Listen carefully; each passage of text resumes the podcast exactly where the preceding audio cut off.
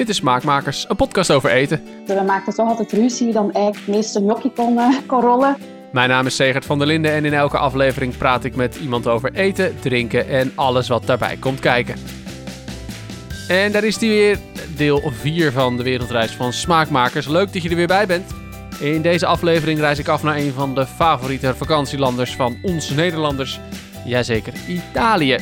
Maar voordat ik op reis ga, nog even een vraag aan jou. Ik zou het leuk vinden om in deze serie ook nog een aflevering te maken over de Indiase keuken. En ik weet het, ja, dat is niet te doen in één aflevering, want die is ontzettend groot en kent zo verschrikkelijk veel regionale verschillen. Maar ik wil toch een poging wagen. En ik ben dus eigenlijk op zoek naar iemand die mij, bij voorkeur in het Nederlands, alles kan vertellen over de Indiase keuken. Ken jij zo iemand? Ben jij die persoon wellicht? Laat het me even weten. Dat kan heel simpel. Stuur me even een berichtje bijvoorbeeld op Instagram, @zegertvedelinde, Of stuur me gewoon een mailtje, smaakmakerspodcast.gmail.com. Ik zal de contactgegevens ook even in de show notes zetten. Dus ken jij iemand die alles weet over de Indiase keuken, die daar leuk over kan vertellen en het liefst ook nog in het Nederlands? Laat me even weten. Goed, dan de aflevering van deze keer. We gaan naar Italië en onze gids is Sara Puozzo. Haar vader is Italiaans en zij weet alles over La Cucina Povera, de arme luiskeuken zogezegd. Daar duiken we dus straks in. Ze is ook nog, dat hoor je later in de podcast, Master of Pasta. Ja, laat dat even inzinken. Hè? Master of Pasta. Hoe Italiaans wil je het hebben? Dat je gewoon een opleiding hebt voor pasta maken. Italiaanser dan dat wordt het niet. Maar goed, daar gaan we het zo meteen over hebben. Ik begin natuurlijk zoals altijd met de vraag: joh, vertel mij eens een mooie herinnering van jou aan eten. Dan denk ik aan um, mijn kindertijd en dan denk ik aan gnocchi die ik vroeger maakte met mijn vader, samen met mijn broer Pietro. Um, ja, een hele mooie herinnering. Ik denk vooral voor ons, want we maakten toch altijd ruzie dan eigenlijk het meeste kon, uh, kon rollen. dus ik denk dat, uh, dat uh, mijn vader er andere herinneringen dan over houdt. Maar dat was toch iets waar ik denk van, ook als ik het nu maak, dat ik denk van, oh, dat was leuk vroeger. En dan deden we dat samen met, uh, met, met, met z'n allen. En het is toch wel iets wat je maakt, het is iets nieuws dat je leert. En ja, ik heb er altijd wel fijne herinneringen aan. Gaaf. Ja. Mooi. Ja. Gnocchi, dat is, ik, ik, het is mij nog nooit gelukt om goed gnocchi te maken. Niet? Nee. Ach, dat is echt niet moeilijk. Ja, maar wat ga ik, wat, het wordt bij mij altijd op een manier een soort klont of zo. Oh, soort, oh, soort, soort harde bal. Ik weet niet. Maar, maar, maar, maar, wat, wat moet je nou doen om een goede gnocchi te maken? Ja, de consistentie moet natuurlijk goed zijn. En het is op basis van aardappelen. Dus een aardappelpuree moet je maken. En je moet natuurlijk wel zorgen dat jouw, jouw basis uh, geen klontjes bevat. Dus dat hij wel heel goed wordt door een, um, door een zeef wordt gehaald of zo. Dat het dan echt wel een heel fijne structuur is. Eitje erbij, nog wat uh, specerijen erbij. Uh, een beetje bloem. En, ja, en dan is het gewoon een kwestie om, het, uh, ja, om die consistentie goed, uh, goed samen te, te, te mengen. Ja. En, en, dat is het eigenlijk bijna. Dus. En, en, een bepaalde soort aardappels nog of zo? Ja, in Italië wordt heel vaak rode aardappelen gebruikt. Maar op zich um, maakt het ook niet uit als je andere aardappelen gebruikt. Als die maar een beetje kruimig zijn, dan is het prima. En ik heb het net gelezen, volgens mij was het vorige week of zo in het nieuws, dat, um, dat de aardappelboeren opriepen om meer aardappelen te gebruiken. Dus ik zou zeggen, maak allemaal puree of gnocchi of zo. Dus dat is wel een goed idee om uh, daar iets mee te gaan doen. De bloem is toch op, dus pasta maken wordt lastig. Precies, dus ga je gewoon ja, gnocchi maken. Juist. Ja, gewoon storten op de aardappelen ja, nu. Ja. Juist, juist. Jij hebt dus het koken ook wel van huis uit meegekregen. Dat is wel een, uh, dat maak ik hieruit op. Ja, mijn vader die, uh, die kookt wel graag, hoewel het eigenlijk vaak mijn moeder was die in de keuken stond. Um, maar ik, heb wel, ja, ik ben wel opgegroeid met, uh, met Italiaanse klassiekers, zeg maar. Mijn vader komt uit Noord-Italië, Veneto. En ja, dat is eigenlijk de streek van de rijst, de risotto, um, um, ja, de, de, de, de lekkere, lekkere tortellini en brodo. Um, kijk, en mijn moeder is Vlaams, dus uh, daar kwamen er ook nog frietjes op tafel. Dus ik heb eigenlijk een hele leuke jeugd gehad. Echt niet te klagen op dat vlak. Ja. Geen, uh, geen hashtag fitgirljeugd wat dat betreft. Uh... Nee, dat niet. Niet. nee. Maar wel heel nee. goed gegeten, dat, dat hoor ik er al aan af. Ja, ja, ja, ik heb niet te klagen. Ik ben er blij mee. Nee, nee. Risotto, gnocchi, pasta, al die gerechten die jij zo goed kent en waar je zo ontzettend hard van geniet, die zijn onderdeel van La Cucina Povera, de Italiaanse arme luiskeuken. Een keuken die weer heel relevant kan zijn in deze tijd. Een tijd dat we thuis blijven, dat we zoveel mogelijk koken met wat we in huis hebben. Een keuken die ook niet alleen een verzameling gerechten is, maar vooral ook een levensfilosofie. Sarah legt uit waar die keuken vandaan komt. Nou ja, ze zeggen heel vaak dat Italië geen eigen keuken heeft. Uh, ten eerste omdat het eigenlijk uh, ja, vooral door heel veel andere invloeden uh, een keuken heeft gecreëerd. En als je kijkt naar Cucina Povera, dat is eigenlijk een armeluiskeuken. En dat is eigenlijk ontstaan in de middeleeuwen. Dus toen er heel veel mensen ook arm waren en die waren op zoek naar toch eten of een maaltijd te creëren. En vroeger werden bijvoorbeeld voor de hogere klasse ook banketten gemaakt met heel veel eten en zo. En toen gingen arme mensen bijvoorbeeld uh, de stukjes vlees gaan ophalen of gaan, gaan, gaan verzamelen, die eigenlijk als afval um, voor, voor de hogere kringen werden aanzien. En daar gingen ze dan iets mee gaan maken. Dus met afvalvlees gingen ze bijvoorbeeld, um, wat, je nu, wat nu nog altijd is in Napels, uh, de sofrito. Dat is eigenlijk een, um, een, een, een stoofgerecht met afvalvlees, zoals de mild, de longen, uh, de lever van het varken. Daar gaat dan uh, wat tomaten bij en heel veel chili bij om daar smaak aan te geven. Dus eigenlijk met uh, weinig ingrediënten gaan ze toch proberen om lekkere maaltijden klaar te maken. En daar is het eigenlijk een beetje van ontstaan. En het is een soort van filosofie wat eigenlijk ook doorheen de jaren terug is gekomen. Ook na de Tweede Wereldoorlog of na de Eerste Wereldoorlog, de mensen weinig hadden. Dan begon die filosofie weer op te vlakken. Want dan gingen, gingen ze op zoek naar producten die ze vonden in hun buurt, om daar toch iets mee te maken. Dus verbeeldingskracht. Hè? Dan gingen ze toch iets lekker maken met heel veel specerijen, heel veel kruiden, uh, om toch die periode een beetje door te, te kunnen uh, maken. Bijzonder dat juist die, uh, die schaarste die daar dan is, dat die juist zo'n hele mooie, creatieve, smaakvolle keuken voortbrengt.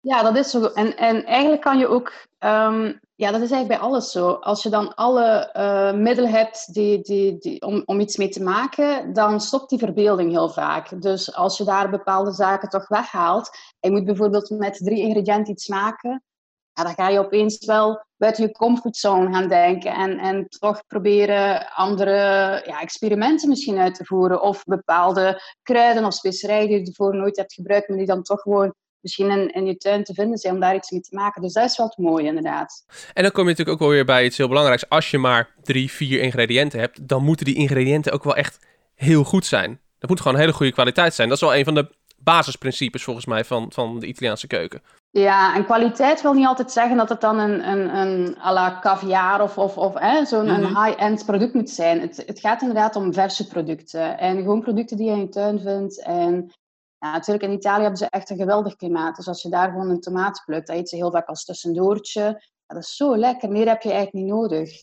Ja, ja ik heb niet zo'n, dus niet zo'n ervaring met Italië, maar wel, met, wel iets meer met Griekenland. En daar heb je natuurlijk een beetje hetzelfde. Dat als je daar dan, dan uh, over straat loopt, of je, loopt, je maakt een mooie wandeling, dan ruik je ineens zo dan, dan ruik je die oregano groeien of zo. Of dan staat er ineens een hele grote rozemarijnplant en dan denk je, oh, heerlijk. Ja, dan heb je gewoon zin in, dat is het gewoon, ja. Ja, ja. ja. Dat is, en dat is, natuurlijk, eh, dat is natuurlijk dan ook wel een van de belangrijke dingen die een rol gespeeld hebben bij het ontstaan van die keuken. Is, is het. Uh, is, is inderdaad dat het in Italië kon. In Nederland zou zo'n keuken toch iets lastiger ontstaan zijn. In het koude Nederland, waar iets minder groeit, denk ik. Waar we iets minder buiten zijn ook. Want het is niet zo heel lekker weer. Uh, niet altijd zo lekker weer. Speelt dat zo'n ja, nou, nou, wat ik wilde zeggen is dat uh, het blijft natuurlijk een filosofie. En die filosofie kan je eigenlijk toepassen in elk land waar je zit. En als je naar Italië kijkt, is het best wel een uitgestrekt land. In het noorden had je uh, niet olijfolie, maar meer de boter, de rijst, noem maar op. En in het zuiden was het dan meer de, de, de verse groente en de olijfolie, uh, de pasta. Um, dus mensen gingen eigenlijk op zoek naar wat er daar voorradig was om daar iets mee te maken. En in Noord-Italië heb ik de bergkeuken, daar is het veel kouder. Dus daar gingen ze ook mee aan de slag. Dus het is niet iets wat, uh, wat je niet kan doen als je niet in Italië bent. En ik denk in tijden van nu, um, waar, um, ja, waar, je, waar je toch meer beperkt bent, uh, dat je daar ook mee aan de slag kan. Kijk gewoon wat er in je voorraadkastje ligt, of, of kijk gewoon om uh, misschien een lokaal product uit te proberen en daar iets mee te maken. Dus in dat opzicht kan je de filosofie wel prima toepassen nu. Ook bijvoorbeeld vlees of zo.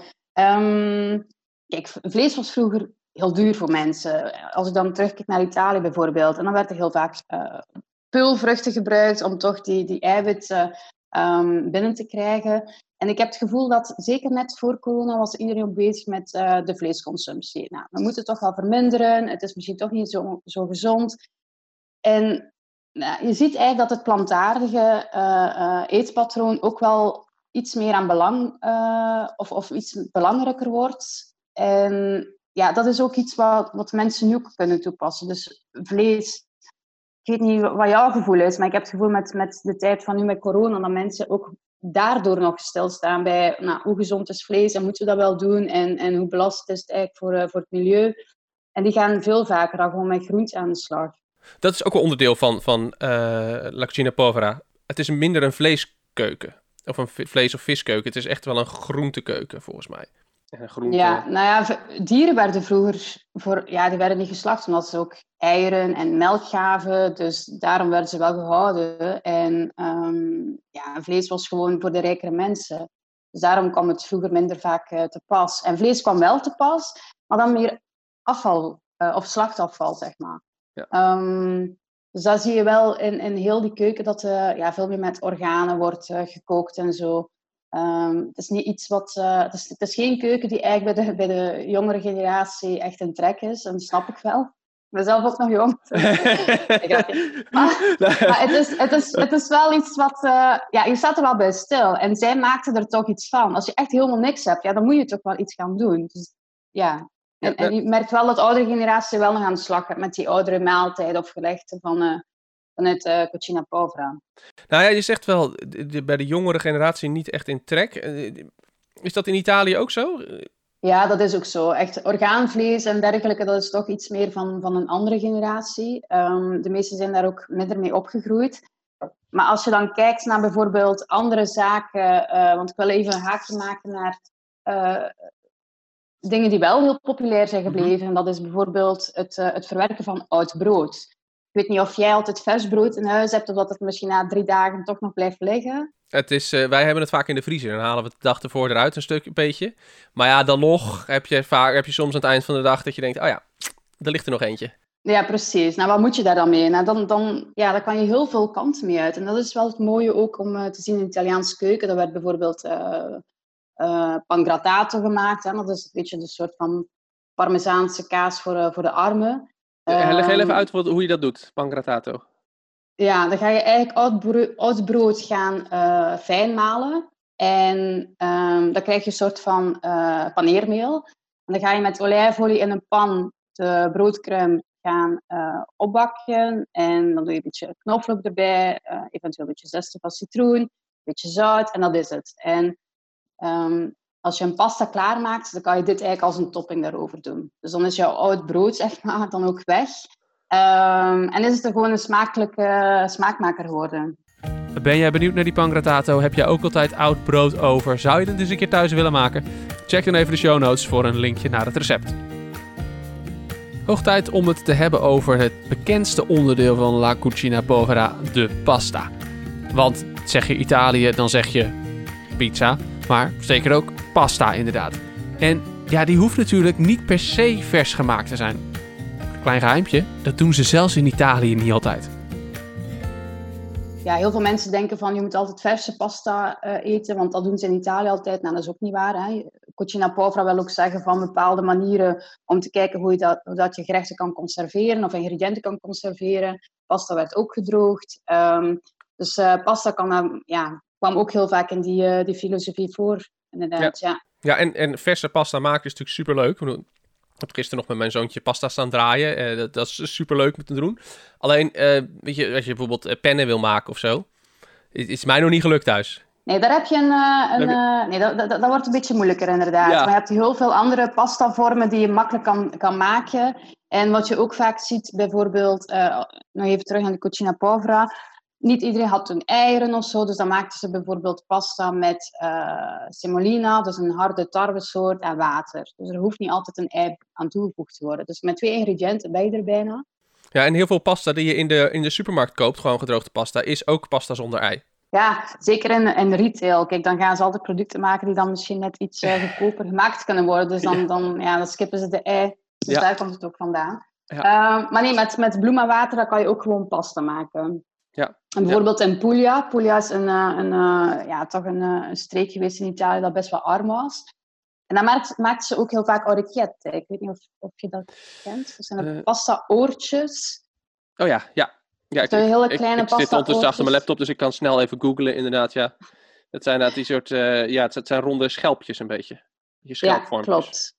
Ja. ja. En trofeepasta heb je ook. En, en nog heel, heel veel andere uh, pasta soorten die dan gewoon met, uh, met bloem en water worden gemaakt. Wat zijn andere uh, belangrijke onderdelen van, van, van deze keuken? Nou, dat ze eigenlijk heel veel um, smaak aan toe proberen te voegen door bijvoorbeeld het kruiden of specerijen zoals chili. zeker in Napels is dat heel, heel typerend. Um, als je van pittig eten houdt, dan moet je daar zeker naartoe gaan. Ik hou er zelf niet zo van, maar um, ja, die gaan alles redelijk op smaak brengen met, uh, met chili. En dat is ook wel iets wat eigenlijk uit die keuken is, uh, is uh, voortgekomen. Um, ja, en, en, en wat je ook merkt is dat heel veel stoofgerechten werden klaargemaakt. Uh, dan zeker met het vlees dan. Om, om die dan toch uh, mals te krijgen, dan moet je die best wel een tijdje op, uh, op het vuur laten staan. Dat zijn wel typerende zaken die eigenlijk uit die keuken wel voortkomen.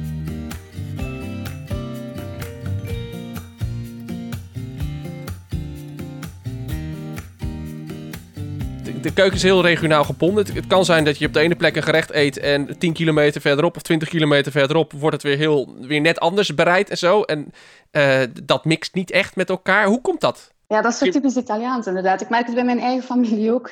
Dan, uh, ja, die vertellen ook aan mij, bijvoorbeeld mijn ooms, die zeggen dan van ja Sarah, als je dit klaarmaakt. Uh, en zeker vroeger dan... mijn, mijn, mijn nonna, dan zeiden ze, hè, um, ja. zeggen ze dan, die gaat dan daar uh, de boter aan toevoegen, maar dan een paar uh, straten verder of, of, of het bergdorp daar, daarboven, daar, daar iets hoger. Dan gaan ze bijvoorbeeld dit weer gaan toevoegen. En dan is er verschil, want het zit dan meer aan de, aan de zee en dit is dan meer, dan meer het binnenland. En ja, hoe komt dat? Nou, uiteindelijk gaan ze allemaal kijken welke producten ze zelf kunnen gebruiken in de omgeving. En bergdorpen gebruiken meer boter, hè, want dan is het koud, hebben ze koeien staan, gaan ze meer boter gaan gebruiken. Um, en en ja, als je iets verderop gaat, dan gaan ze weer iets anders gaan gebruiken die dan toch voorradig is. En uh, ja, Italianen die hebben toch iets van, ja, die hebben zo liefde voor, die voor de koken, dat um, uh, ja, je zegt regionaal, maar het is zelfs per familie, dat ze eigenlijk gaan bettelen van nee, ja, maar onze pasta is het beste, hoezo is die van jullie lekkerder? Ja, dat kan helemaal niet. Dus dat is het mooie eraan, vind ik. En um, heel veel mensen snappen het niet van ja, hoezo dan? En waarom maken ze het zo moeilijk? Maar ja, ik vind het gewoon ja, ik vind het heel mooi. Het is gewoon dat het zo een liefde voor, voor dat koken in zit, dat, dat ze echt zo trots zijn om te zeggen, ja, dit is, dit, de, ons is de lekkerste. Um, ja, eigenlijk mogen wij dat ook wel veel meer gaan doen, vind ik. Toch? Ik, ja, trots zijn op ons eigen familie. Uh... Nou, dat is, er zit een soort passie in, passie voor het eten, die, die, ja, ja, die we hier in Nederland niet zo heel goed kennen. Of zo. Dat, nee, nee, klopt. Nee, dan missen zeker in Nederlands missen we dat heel erg, vind ik dat zit niet echt in onze genen, in onze aard, helaas. Nee, dat is, nee, dat is een beetje jammer inderdaad.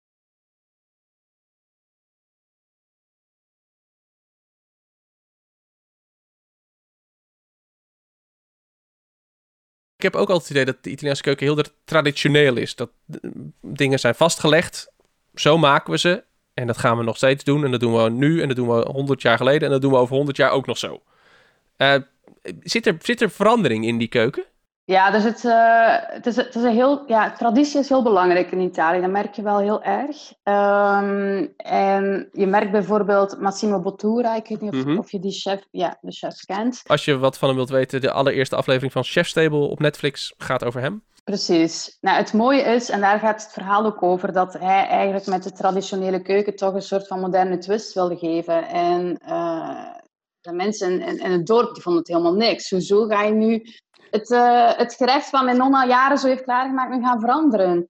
En hij heeft het geluk gehad dat een uh, recensent uh, heel positief over hem was. En dat daardoor toch een soort van moderne wave door die traditionele keuken is gekomen. Dat het wel oké is om, het, dat te doen. Um, en aan de ene kant, traditie is mooi. En je merkt wel dat, dat het toch aan het vervagen is. En het jammere is dat uh, je ook ziet dat bijvoorbeeld, zeker in het noorden, um, zaken als McDonald's of fastfood wel uh, ja, meer ja, meer te zien is en dat er ook meer animo voor is. En dat is wel ja, jammer op zich, want obesitas stijgt daardoor ook. Ja, en het oude mediterrane eetpatroon ja, verdwijnt daardoor.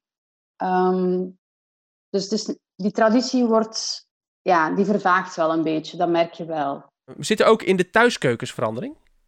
Nou, dat is, redelijk traditioneel. Uh, behalve, je merkt wel, en dan weer het noorden, hè, want dat zie je wel heel, heel groot verschil heel vaak in Noord-Italië en Zuid-Italië. Um, in het noorden moet het allemaal wel wat sneller gaan. Dus je merkt dat ze daar sneller gewoon droge pasta, gedroogde pasta gaan, uh, gaan gebruiken vanuit de supermarkt.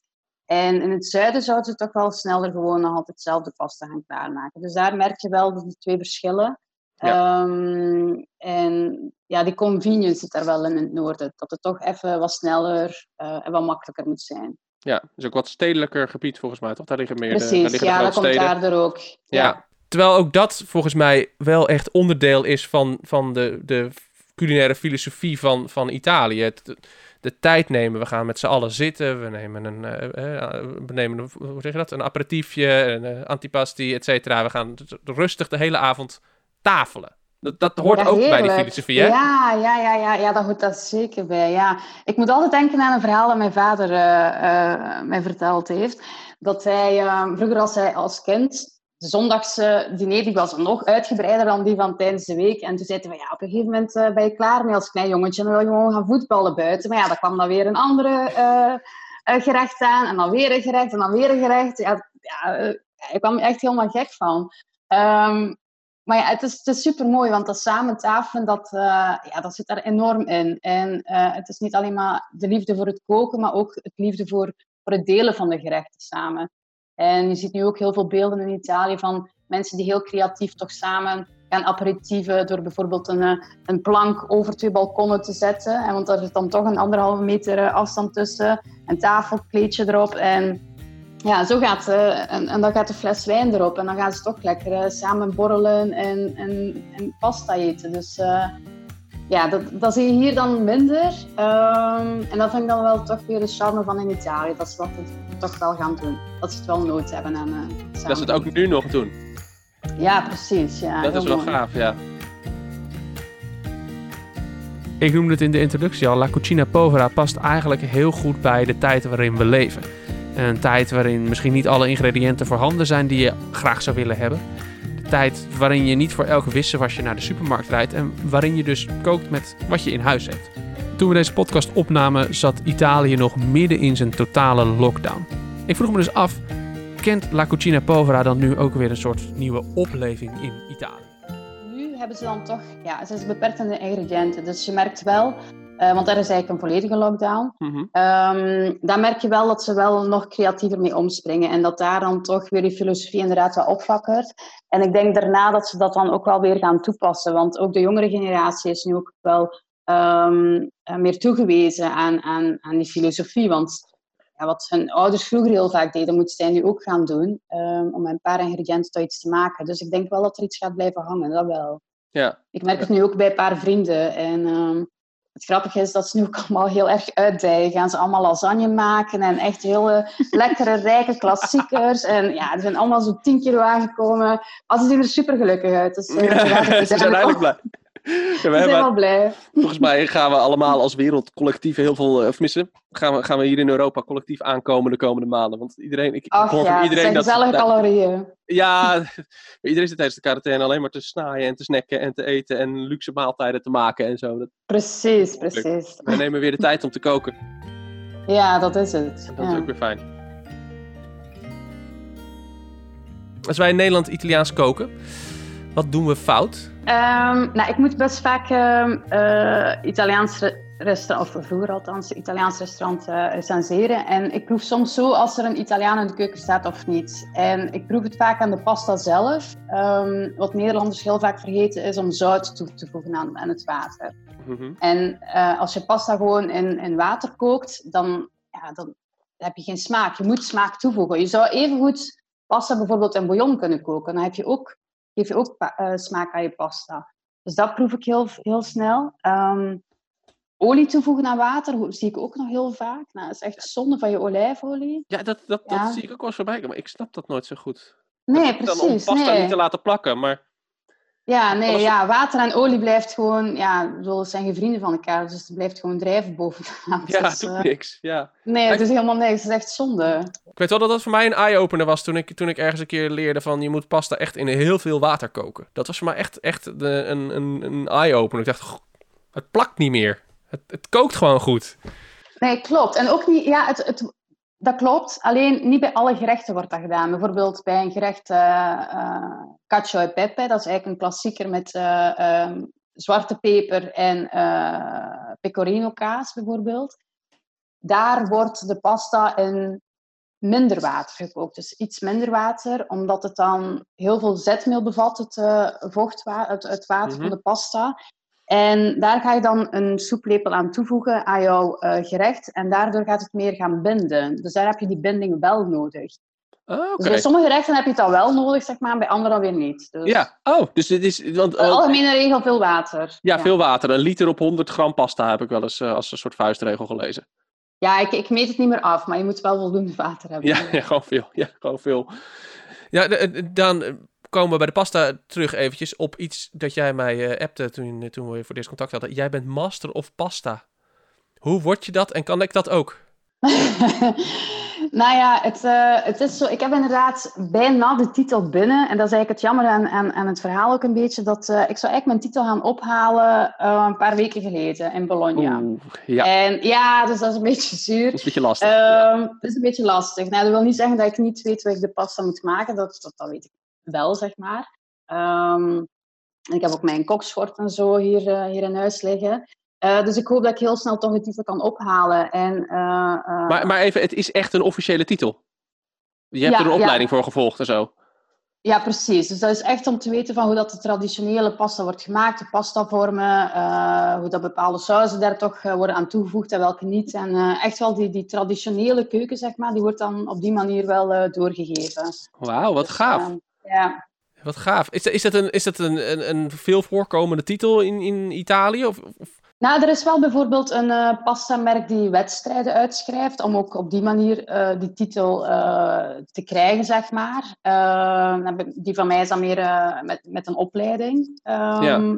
Dus eh, ja, Dus, pastamerk eh, kwam ik volgens mij net tegen. Die hebben Roger Federer als, eh, als eh, ambassadeur. Of eh, is dat Klopt. Ja, hè? Ja, ja, ik wil zeggen. Even snel gegoogeld inderdaad, erop. Toen kwam ik hen tegen. Ik dacht, dat zal het vast niet zijn. Nee.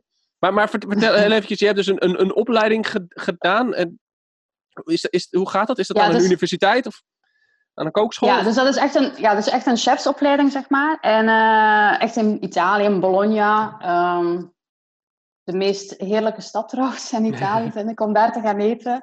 Ehm, ja, en daar ga je echt meer, ja, wat ik net ook zei, de klassieke eh, eh, vormen van pasta's en hoe je die kan maken en noem maar op, ga je die echt wel onder de knie krijgen.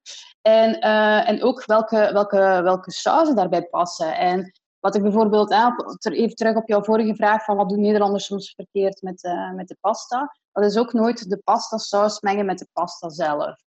Dus dan maak je pasta en dan ga je daarboven een beetje saus gaan doen. En ja, er is een reden ook waarom dat er heel veel verschillende pasta vormen bestaan. Ehm, als je alles gewoon niet met elkaar gaat mengen, ja, dan maakt het eigenlijk niet uit welke vorm dat je pakt. Nee. En net door te mengen ga je dan zorgen dat er een echt ja, meer een eenheid is. En je hebt ook pastavormen die bijvoorbeeld een soort van kuipje hebben, zodat de saus meer aan vasthangt, of eh, ribbeltjes hebben. Dus daar is allemaal super veel over nagedacht. Ehm, en ja, je proeft echt wel verschil. Het klinkt zo heel, soms helemaal stom en heel erg Italiaans, maar eh, die kleine details maken toch wel een verschil hoe dat je dan jouw pasta gaat, klaarmaken en, en gaat proeven. En dat was hem. Smaakmakers, de culinaire wereldreis voor deze week in ieder geval. We gingen naar Italië en Sarah Pozzo was onze gids. Dankjewel Sarah voor al je informatie. Wil jij meer weten over Sarah, over La Cucina Povera, geïnspireerd worden, mooie recepten lezen? Check dan haar website southandpepper.com. Eh, de linkjes vind je natuurlijk ook in de show notes. Daar vind je ook alle linkjes als je smaakmakers op wat voor manier dan ook wilt volgen. Op wat voor social media dan ook. Over twee weken probeer ik er gewoon weer te zijn. Dan met de volgende trip in de wereldreis. Hopelijk dus India. Zoals ik al zei, ik zoek nog wel iemand die me daar heel veel over kan vertellen. Dus ben jij diegene of ken jij die persoon? Stuur me even een mailtje. eh, smaakmakerspodcast.gmail.com In de tussentijd check de socials of smaakmakerspodcast.com. Daar deel ik de komende week nog een aantal lekkere Italiaanse recepten met je. Ik hoop er over twee weken dus weer te zijn. Wat mij betreft, tot dan.